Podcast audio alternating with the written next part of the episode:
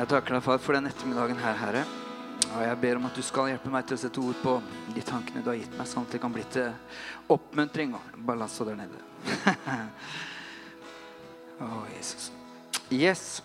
Til oppmuntring og til styrke. At det kan eh, hjelpe oss å manøvrere den tida som vi er i. Eh, jeg takker deg for det i Jesu navn. Amen. Dere kan få lov til å sitte ned. Takk. Eh, kjempebra, folkens. Vi er eh, Jeg må hente det her òg. Jeg tenkte jeg skulle adressere elefanten i rommet med en gang. Ja, fordi vi eh, Det er korona. Har dere lagt merke til det? Og det er på en måte litt sånn ny, eh, ny eh, situasjon igjen, da, for Søren. Så eh, I fjor eh, rundt desembertid så var det lov å være 20 stykker på gudstjeneste. Og vi tenkte i år skal vi i hvert fall slå det, og det har vi gjort. Så du kan se rundt deg og tenke yes, vi er mer enn 20. Eh, men jeg tror nok eh, at elefanten i rommet Det er ikke noen spesielle jeg sikter til, men det er det at eh, vi er prega av situasjonen vi er i. Så eh, normalt sett så hadde vi vært mange flere. Så du kan applaudere og heie på den som er rundt deg, og tenke at vet du hva, dette skal bli bra. Vi skal få noe ut av det her. Det her skal, eh, det her skal gi mening. Er vi enige om det? At vi gjør den søndagen her tellende? Det her er ikke en transportetappe. Det her er ikke noe vi gjør fordi vi bare skal holde fortet. folkens. Jeg tror at det kan bli noe bra som skjer i dag. Ok?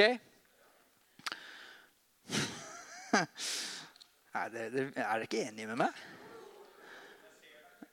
Ser du meg ikke? Slå på lyskronene, da, så uh, jeg, jeg, har jo ikke noe behov for å bli sett, så det jeg er egentlig glad til. Så jeg sto, står her i de, det mørke feltet for å Kan dere Hæ? Nei, jeg klarer å lese de her. Nei, men så bra. Uh, nei, men takk, uh, folkens. Uh, dere Kjempebra. Vi, vi, det er så godt å Jeg syns det er så bra å samles. Og at vi fortsatt gjør det, det er jeg, jeg Å kunne lovsynge Gud og, og bare merke at han er til stede og kjenne på freden. Det er digg, rett og slett. Skal jeg komme i gang, da, eller? Dere som er her nå, har jo kommet, det er jo sånn blodfans. Så uh, det blir jo liksom uh, det, blir, det blir bra, det.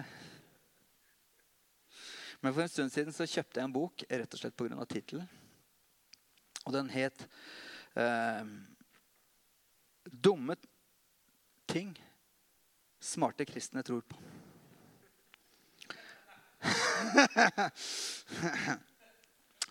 Og Jeg, jeg syns den tittelen var så fascinerende, så jeg, jeg, har lest faktisk en del i den boka. Synes det er, det er en del dumme ting som kristne, smarte kristne tror på. Men jeg tenkte jeg skulle skrive en ny bok, og den hender 'Dumme ting smarte folk sa i begynnelsen av korona'. Uh, og en av de dumme tinga som jeg hørte i begynnelsen, er 'Dette går snart over'. Det er det dummeste jeg har hørt, tror jeg faktisk. der. En annen ting som jeg hørte ble sagt Jeg sa det sjøl òg. Hjemmekirke er like bra som fellesskapet. det, nei, unnskyld at jeg ler så hjertelig av det. Men seriøst det er det dummeste jeg har hørt. Og vi måtte på en måte si det i begynnelsen, fordi vi må holde oss til det her. Liksom, vi, må få, liksom, vi, må motivere folk til å liksom ha Vet du hva? Hjemmekirke, hvis ikke det funka før korona, så funker det i hvert fall ikke etter korona. Vi trenger fellesskapet. Uh, det, og, og, en annen dum ting som ble sagt Vi venner oss til det med munnbind.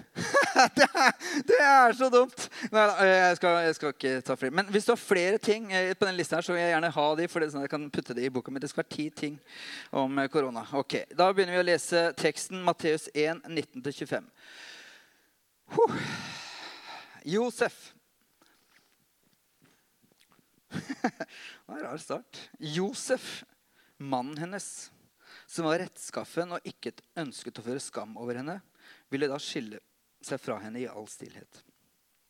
Men da han hadde bestemt seg for dette, viste en Herrens engel seg for ham i en drøm og sa:" Josef, Davids sønn, vær ikke redd for å ta Maria hjem til deg som din kone. For barnet som er unnfanget i henne, er av Den hellige ånd. Hun skal føde en sønn, og du skal gi ham navnet Jesus. For han skal frelse sitt folk fra deres synder. Og dette skjedde for at ordet skulle oppfylles som Herren har talt gjennom profeten. Se, en jomfru skal bli med barn og føde en sønn, og de skal gi ham navnet Immanuel. Det betyr Gud med oss. Da Josef våknet av søvnen, gjorde han det som Herrens engel hadde pålagt ham, og tok henne hjem til seg som sin kone, levde ikke, men levde ikke sammen med henne før hun hadde født sin sønn. Og han ga ham navnet Jesus. Jeg har lyst til å komme med noen tanker ut av det. Det er jul og advent, og sånn, så da fant jeg en juletekst. da, Så det blir bra. Sammenhengen der kjenner vi, gjør vi ikke det? Det handler om Jesu fødsel. Så jeg trenger ikke si noe mer om det, kanskje. Men det er et par tanker her jeg har lyst til å si noe om. Eh, og det første er 'vær ikke redd'. Eller 'frykt ikke', står det i en annen oversettelse.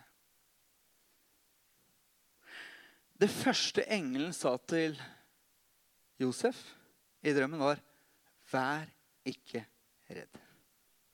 Jeg har hørt eh, Jeg vet ikke hvem som har sagt det. Det er flere som har sagt det, tror jeg. Men som, det, eh, som sier at den vanligste befalingen i Bibelen, eller den befalingen som er gitt flest ganger, det er 'vær ikke redd' eller 'frykt ikke'. Så jeg måtte sjekke opp det her. Ja. Så jeg søkte eh, på nettet, på bibelen.no, så søkte jeg søkte på 'vær ikke redd', og så skulle jeg se hvor mange treff får jeg på det greiene her. Jeg fikk 20 000 treff i Bibelen.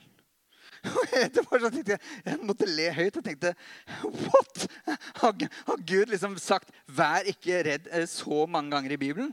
Men så måtte jeg gå litt gjennom det her, da, så forstod jeg at det var ikke helt riktig. For den hadde tatt med alle vers hvor det sto 'redd' eller 'frykt' eller uh, 'ikke'. Så det ikke er et ord som står veldig ofte i Bibelen, for å si det sånn. så, så, jeg ble litt sånn sjokkert. Jeg tenkte 20 000? Liksom. Det er jo, jeg har aldri sett det så høyt treff noen gang. Det var liksom eh, all time high. Men det fjerner ikke poenget at veldig ofte når Gud møtte mennesker, så var det første han sa, 'Vær ikke redd'. Engelen sa til Josef. Um, engelen sa det til Maria. De har sagt til alle profetene som jeg kan komme på, som, som når Gud møtte, åpenbart åpenbarte seg for dem, så var han 'Vær ikke redd. Vær ikke redd'. Og i møte med situasjoner som de sto overfor, så tror jeg så veldig ofte det første han sa, det var 'ikke vær redd'. I Matteus 6, 25 så står det 'Vær ikke bekymret for morgendagen'. Lett å si. Vær ikke bekymret for morgendagen. La den bekymre seg for deg sjæl. Lev nå. Tenk over det du har nå. I Matteus 8,32, eh, når Jesus var i båten, og han sov i båten Det var storm, og han sov på en pute. Og, når, og de vekker han fordi de blir redd, liksom, båten fylles med vann, og, sånt, og de blir nervøse. Og så sier han, 'Hvorfor er dere redde?' Liksom? Hva, hva er det dere er redd for? Jeg er jo her. I Matteus 14, vers 22, så står det hvordan Jesus kommer gående på vannet. De er ute i båten, de ror, og de har motvind, og det er ganske heftig å være ute i den båten. da. Og så kommer Jesus gående på vannet, og det første han sier, 'Ikke vær redd'. Det er jo meg. Det er meg.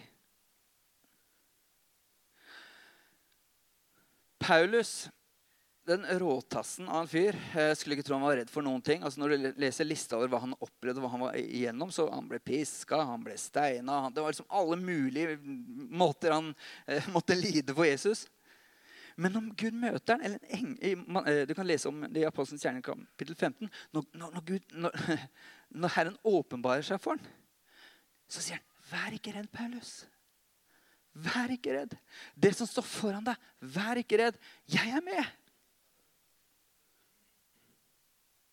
Så det Paulus faktisk skriver til filipperne i kapittel 4 og vers 4, så sier han Vær ikke bekymret for noe, men legg alt dere har på hjertet, framfor Gud, og be ham, be og kall på ham med takk, og Guds fred, som overgår all forstand, skal bevare deres hjerter og tanker i Kristus Jesus. Så det han sier, er Vær ikke redd, vær ikke bekymra, men ta det som uroer deg, ta det som eh, ligger foran deg, ta den bekymring som måtte være der, og gi den til Gud. Legg den fram for han i bønn og påkallelse, og så skal han bytte ut det med noe annet som kalles fred.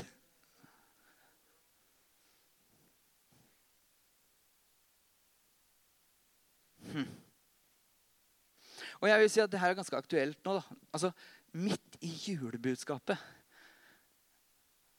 Fred på jord og Guds velbehag blant mennesker, sa engelen til eh, hyrdene på marka. Fred. Og jeg vil si det er fryktelig aktuelt i den tida vi er nå. Det er så mye usikkerhet og frykt. Altså, det Jeg leser aviser, VG og Dagbladet på nett nå, det er jo en uh, øvelse i uh, å måtte sjonglere uh, hvor det fester øya. Og det er så mye klaging og frustrasjon. Unge klager på at de har mista ungdomstida si. Utelivsbransjen klager på inntektene. Og vi klager på at ikke vi kan ja, er, Vi har alltid et eller annet å klage på. Og det er så mange behov. Og jeg vil si, jeg, jeg, Hva var det jeg snakka med? Bare, bare, liksom bare. Vi er så drittlei. Og det tror jeg ikke bare er noen. Det tror jeg gjelder alle.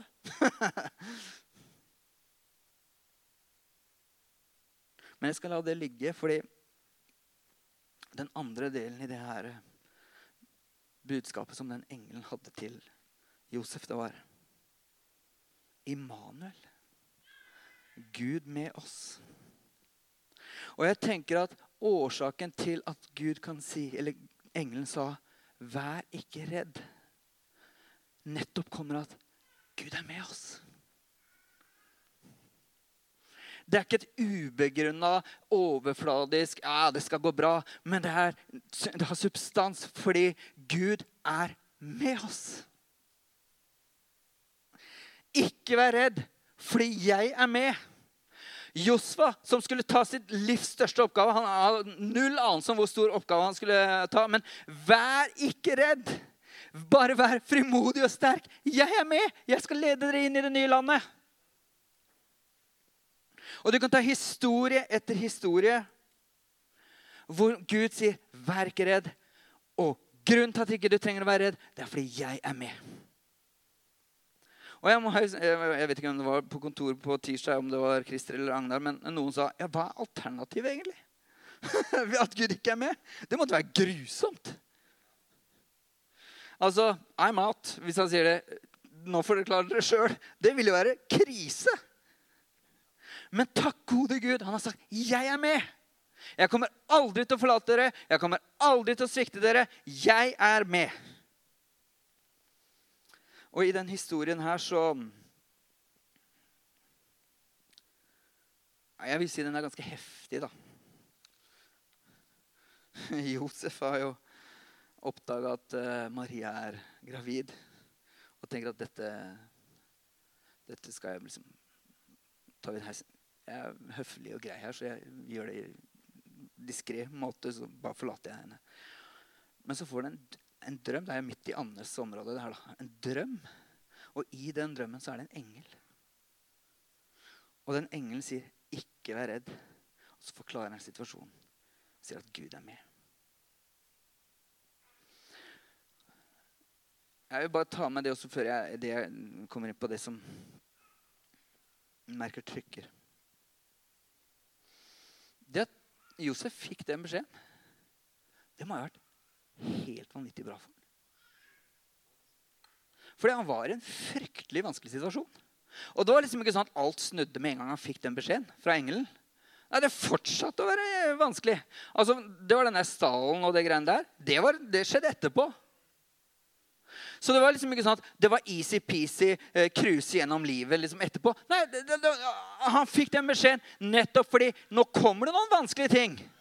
Det kommer til å bli en forfølgelse. Du må rømme til Egypt. Men ikke vær redd! Jeg er med! Og Jeg vet ikke hva som ligger foran oss, Jeg vet ikke hva som ligger foran koronasituasjonen, men saken er at det har egentlig ikke så stor betydning, fordi det viktigste er at han er med. Og det kommer til å skje møkkating framover også. Og Det er nettopp derfor vi trenger å vite og være trygge på at Gud er med. Fordi uansett hva livet måtte kaste på, på, på oss av problemer, så kan vi håndtere det fordi Gud er med.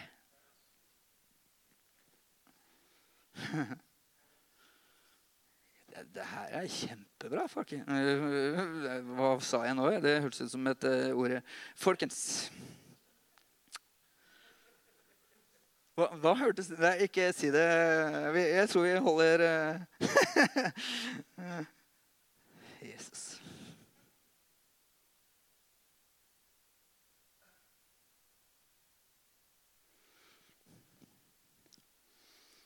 Gud var med. Han leda Josef og Maria.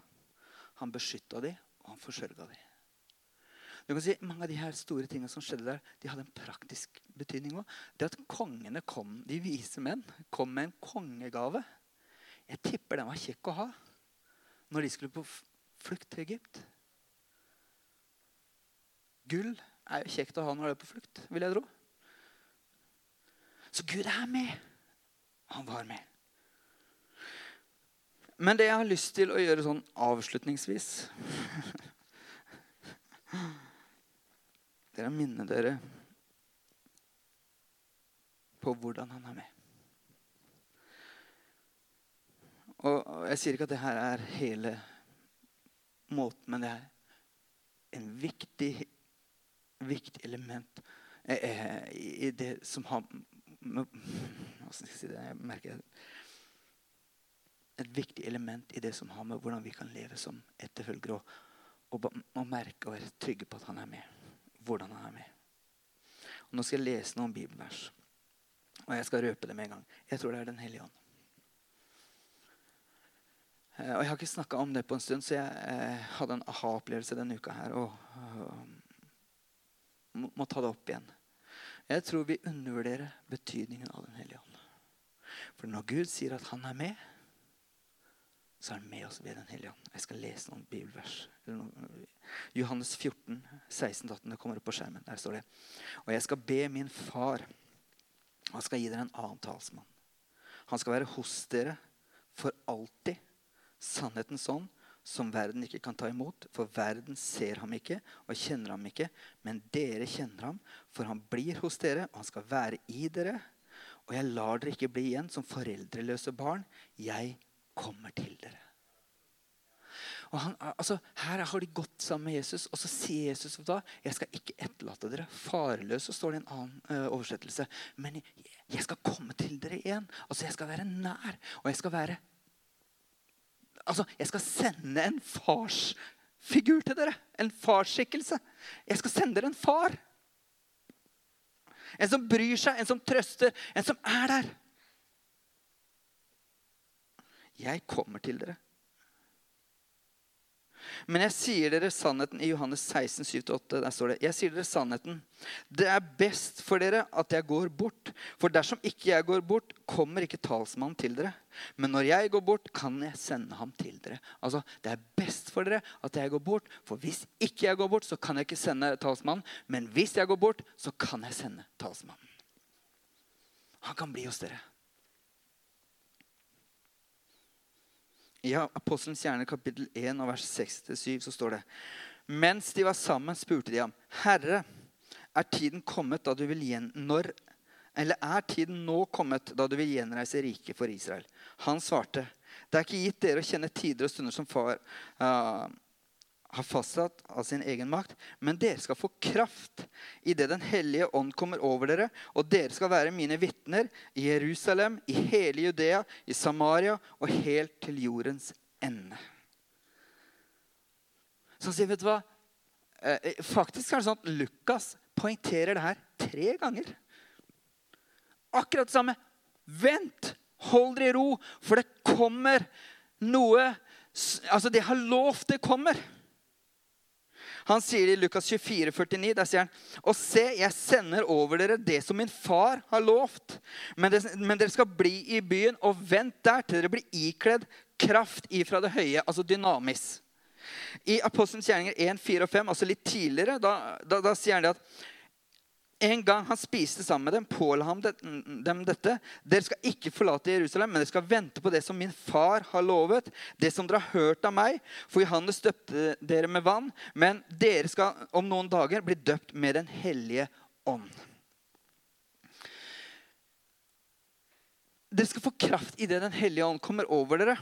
Romerne 12,2 altså dere er bibelkjente, Romerne 12,2 sier at 'bli forvandlet ved at deres sinn fornyes', så dere kan dømme om det gode eller Guds vilje. Det gode, det fullkomne, eller det han har behag i, det fullkomne. Altså, eh, Han sier at eh, eh sinnets fornyelse det å eh, det å la seg prege av Guds ord, det å lese Guds ord, det er med på å forandre deg på innsida, sånn at du lever annerledes.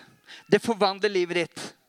Men saken er at det å få Den hellige ånd, eller når Den hellige ånd kommer over deg, det er også en sånn type forvandling. Han sier dere skal få kraft idet Den hellige ånd kommer over dere. Altså, Det skjer en forvandling når han treffer oss.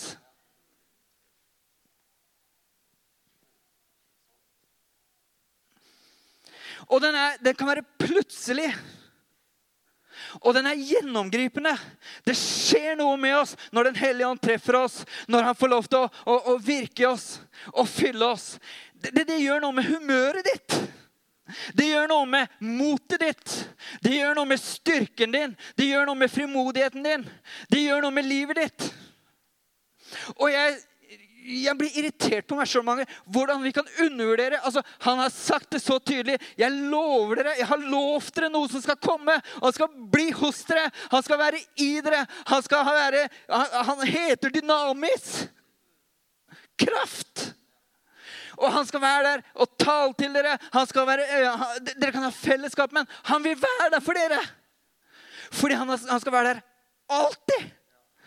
Åh, nå går jeg opp i fistel her òg. Sorry. Jeg, men, men, men, jeg har lyst til å riste litt i, i, i, den kjedelige gjengen som er her nå. Eh, for eh, saken er at Han gjør oss spennende. Han gjør oss levende. Han forvandler.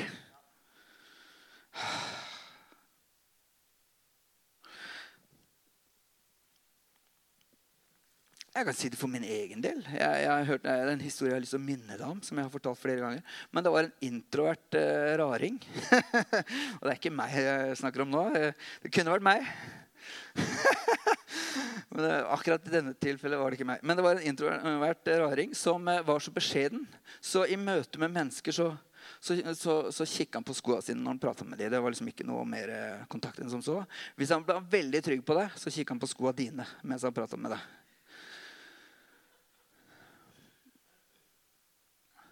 Men så var han på et møte, og så opplevde han Den hellige ånd traff ham. Han ble fylt med kjærlighet. Så han gikk og klemte på folk rundt omkring etter møtet og var så utadvendt og herlig. Altså, Jeg trenger en dose av det der. for å si sånn. Så jeg er den raringen som trenger det her. Nei, Men, men seriøst, vi, vi trenger det her. Vi trenger det her. Og nå skal jeg si noe som for dere er helt selvfølgelig.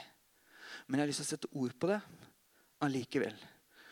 Bare for å sette ord på det, og for å minne dere på noe. Og så kan du eh, klage på teologien i det seinere. Eh, snakk med Agnar eller Christer eller noen. Jeg vet ikke. Jeg, jeg, samme for meg, egentlig. Men jeg tror for å forstå det her ordentlig, så trenger vi å forstå arbeidsfordelinga i guddommen.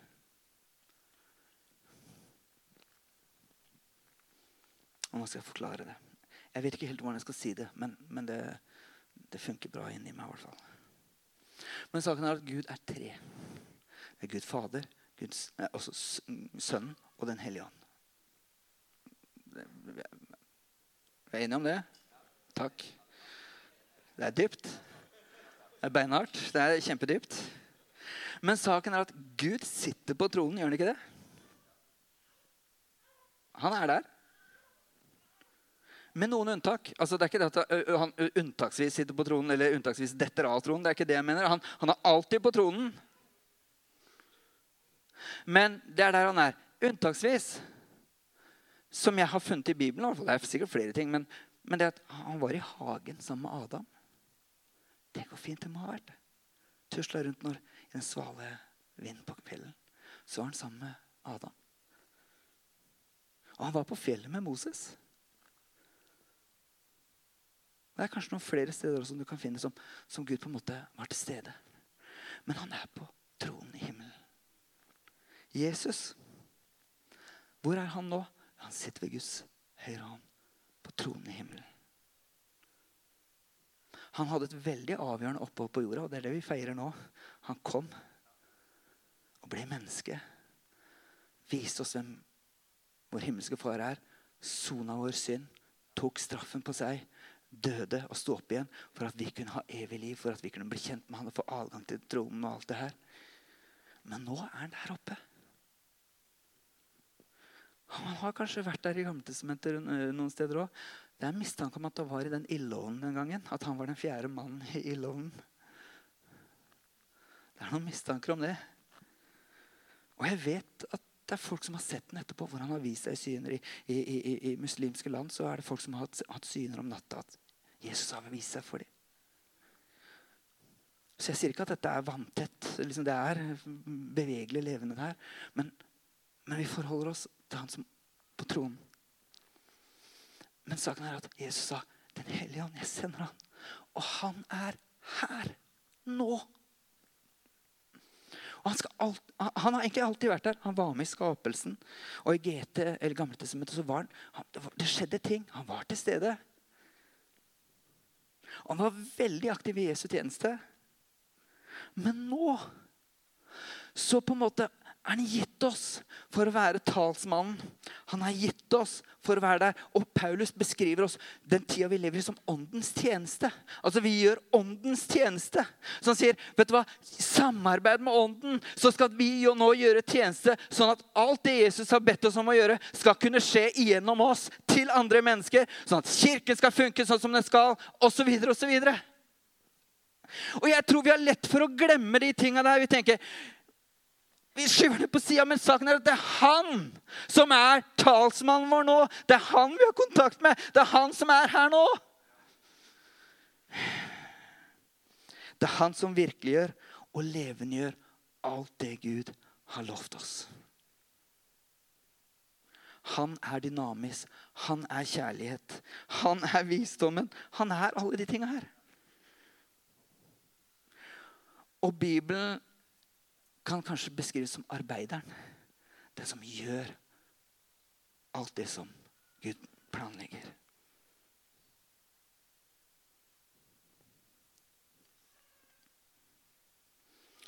Jeg har en setning her som jeg syns er så god. Jeg vet ikke hvor den kom fra, men uh, jeg håper det er meg. Men jeg tviler på det. det Faderen planla, det døde Jesus for. Og det vil Den, den hellige ånd levendegjøre i våre liv. Det Faderen planla, døde Jesus for. Og Den hellige ånd vil levendegjøre det i våre liv.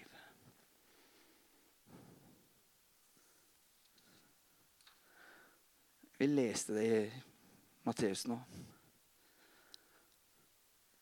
At Jesus ble født på grunn av Den hellige ånd.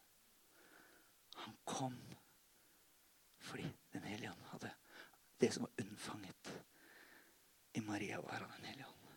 Så han var der også. Han var der også. Vet du hva den gode nyheten jeg har i kveld? Evangeliet er gode nyheter, er det ikke det? Vet du hva den gode nyheten er? At det løftet Jesus ga, nå er oppfylt. Den hellige ånd har kommet. Og jeg tror du og jeg, eller vi som kirke, hele tida må holde det her varmt og naturliggjøre forholdet til Den hellige ånd. Og nå må jeg komme med en sånn personlig observasjon. Jeg vet ikke om det bare er meg som opplever det sånn, men det å snakke om Gud er veldig greit. Det er ganske uforpliktende. Gud, liksom. Men det krever noe mer å snakke om Jesus. Så jeg merker når jeg skal skrive mailer om, om hva, hva så, så, bruker jeg ordet Jesus istedenfor Gud. Automatisk så blir det litt mer Det krever noe mer. Det er litt, litt skarpere. Men det å snakke om Den hellige ånd, det opplever jeg enda et knepp vanskeligere mange ganger. Det å si at Den hellige ånd er her nå. Det er, det er enklere å si at Jesus er her. Men vi, vi, kan ha fellesskap med Jesus. Det er knepp vanskeligere å si vi skal ha fellesskap med Den hellige ånd.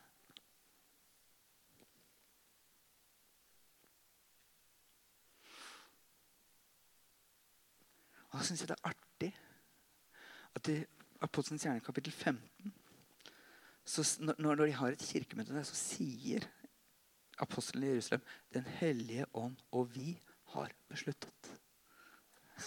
det er morsomt. Så de har liksom hatt et, et, et, krigsråd med Den hellige ånd og så funnet ut vet du hva? Vi, vi følger deg. Dette gjør vi. Så de hadde fellesskap. Han var en naturlig del av det de holdt på med.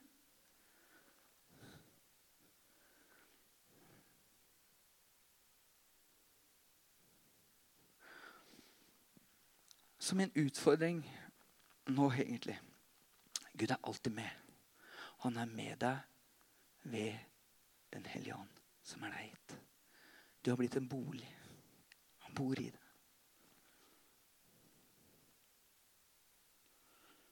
Og vet du hva jeg opplever som et stort paradoks? Det er at den delen av Gud, eller den personen i guddommen, som er mest svevende og mest abstrakt, er den som har evnen til å gjøre ordet mest konkret i livet. For når han kommer med sin fred, så blir det bibelvers som at 'min fred gir jeg dere', 'min fred etterlater jeg dere', den blir så virkelig. Så vi er helt avhengige av han. Vi er helt avhengige av han. Når han sier 'gledens olje skal flyte', så er det mer enn et bibelvers. Det er noe som skjer på innsida. Som gir deg glede. Som gir deg grunn til å le ha det bra. Ikke ha det bra liksom som ha det bra nå. liksom.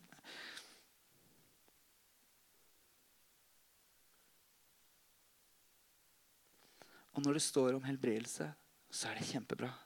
Men det er noe annet når Den hellige ånd med sin kraft virker dynamisk i ditt og mitt liv. Sånn at den sykdommen som var der, ikke lenger er der.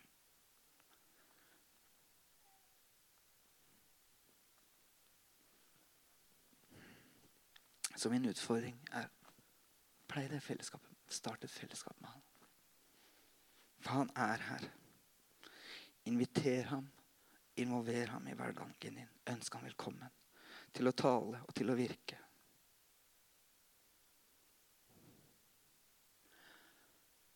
Jeg vet ikke hvem jeg snakka med tidligere i uka, men som jeg, Tenk å ha hatt han som bestevenn.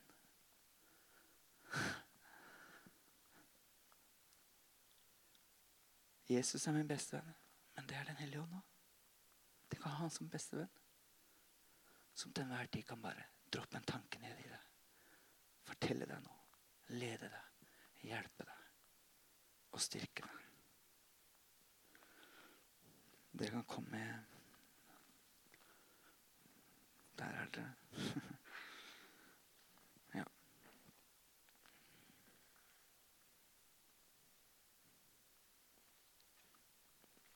Ha fellesskap med. Men så er det en, en ting til. Det er å bli fylt av. Var det ikke det Jesus lovte? Bli fylt med Den hellige ånd. At Den hellige ånd kommer over deg at du blir ikledd kraft. Vet du hva jeg merker? At det er så mye energilekkasje i livet. Det er så mye som tapper. Det er så mye som drar livsmotet og krafta ut av deg. Så en trenger jevnlig å bli fylt av Den hellige ånd. Jevnlig være i kontakt med han. Jevnlig oppleve at hva, han er der. Han styrker. Og han kommer med sin kraft. Han kommer med sin fred. Han kommer med overskudd. Han kommer med tro. Han kommer med mot. Bli stadig fylt. Bli stadig fylt. Jeg tror ikke det er en engangsopplevelse. Det er en kontinuerlig erfaring. Hvor vi er sammen med han og blir kjent med han. Og lar han få lov til å prege oss. Kan ikke du spille litt, Camilla? Jeg vet ikke om du har en uh, sviske på lager. ta neste sang som dere har på planen, kanskje? Jesus. Ja.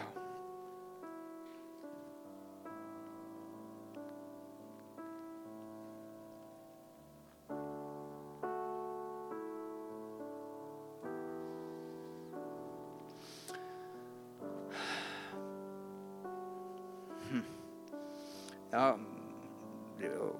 jeg har ikke bala med det. Jeg har gleda meg over det her de siste dagene. Jeg har sittet og kost meg på kontoret der inne og gått gjennom bibelvers etter bibelvers etter bibelvers som handler om hvordan Den hellige ånd er der for oss.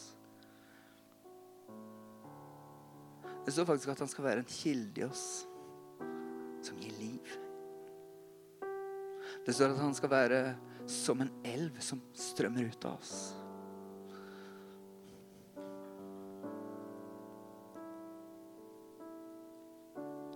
Så det jeg kunne tenke meg som en konkret utfordring Om du ønsker, så Om du bare strekker ut hendene inn litt. Og så Bare be mer av deg, Hellige Ånd. Mer av deg, Hellige Ånd. Mer av deg, Hellige Ånd. Vi trenger deg. Mer av deg. Bli fylt av deg igjen. Jeg takker deg, far, for det løftet som du har gitt oss her om at vi skulle bli At vi skulle få kraft ifra det høye. Jeg ber akkurat nå Nå er vi her åpne, tilgjengelige for deg. Sier, du, Hellige Ånd, vi erkjenner at vi trenger mer av deg igjen, Herre. Vi trenger mer av deg for vår egen del. Og vi trenger mer av deg for å kunne bringe fred og bringe håp til de menneskene som er rundt oss.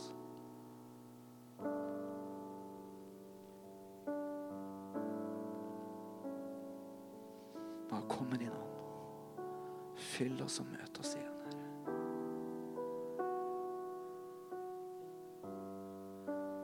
Takker deg for din godhet.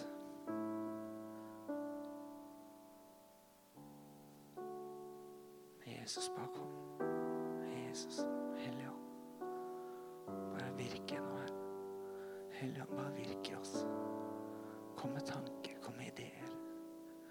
Kom med løsninger, kom med svar på spørsmål som vi har.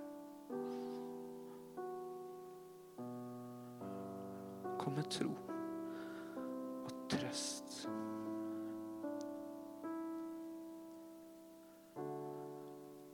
Så ønsker jeg deg velkommen hvis det er noen som har en plage i kroppen eller noe en smerte eller en sykdom. Så du er dynamisk. Du har kraft. Så i Jesu navn bare fiks Reparer. Gjenopprett. Kom med styrke. Rett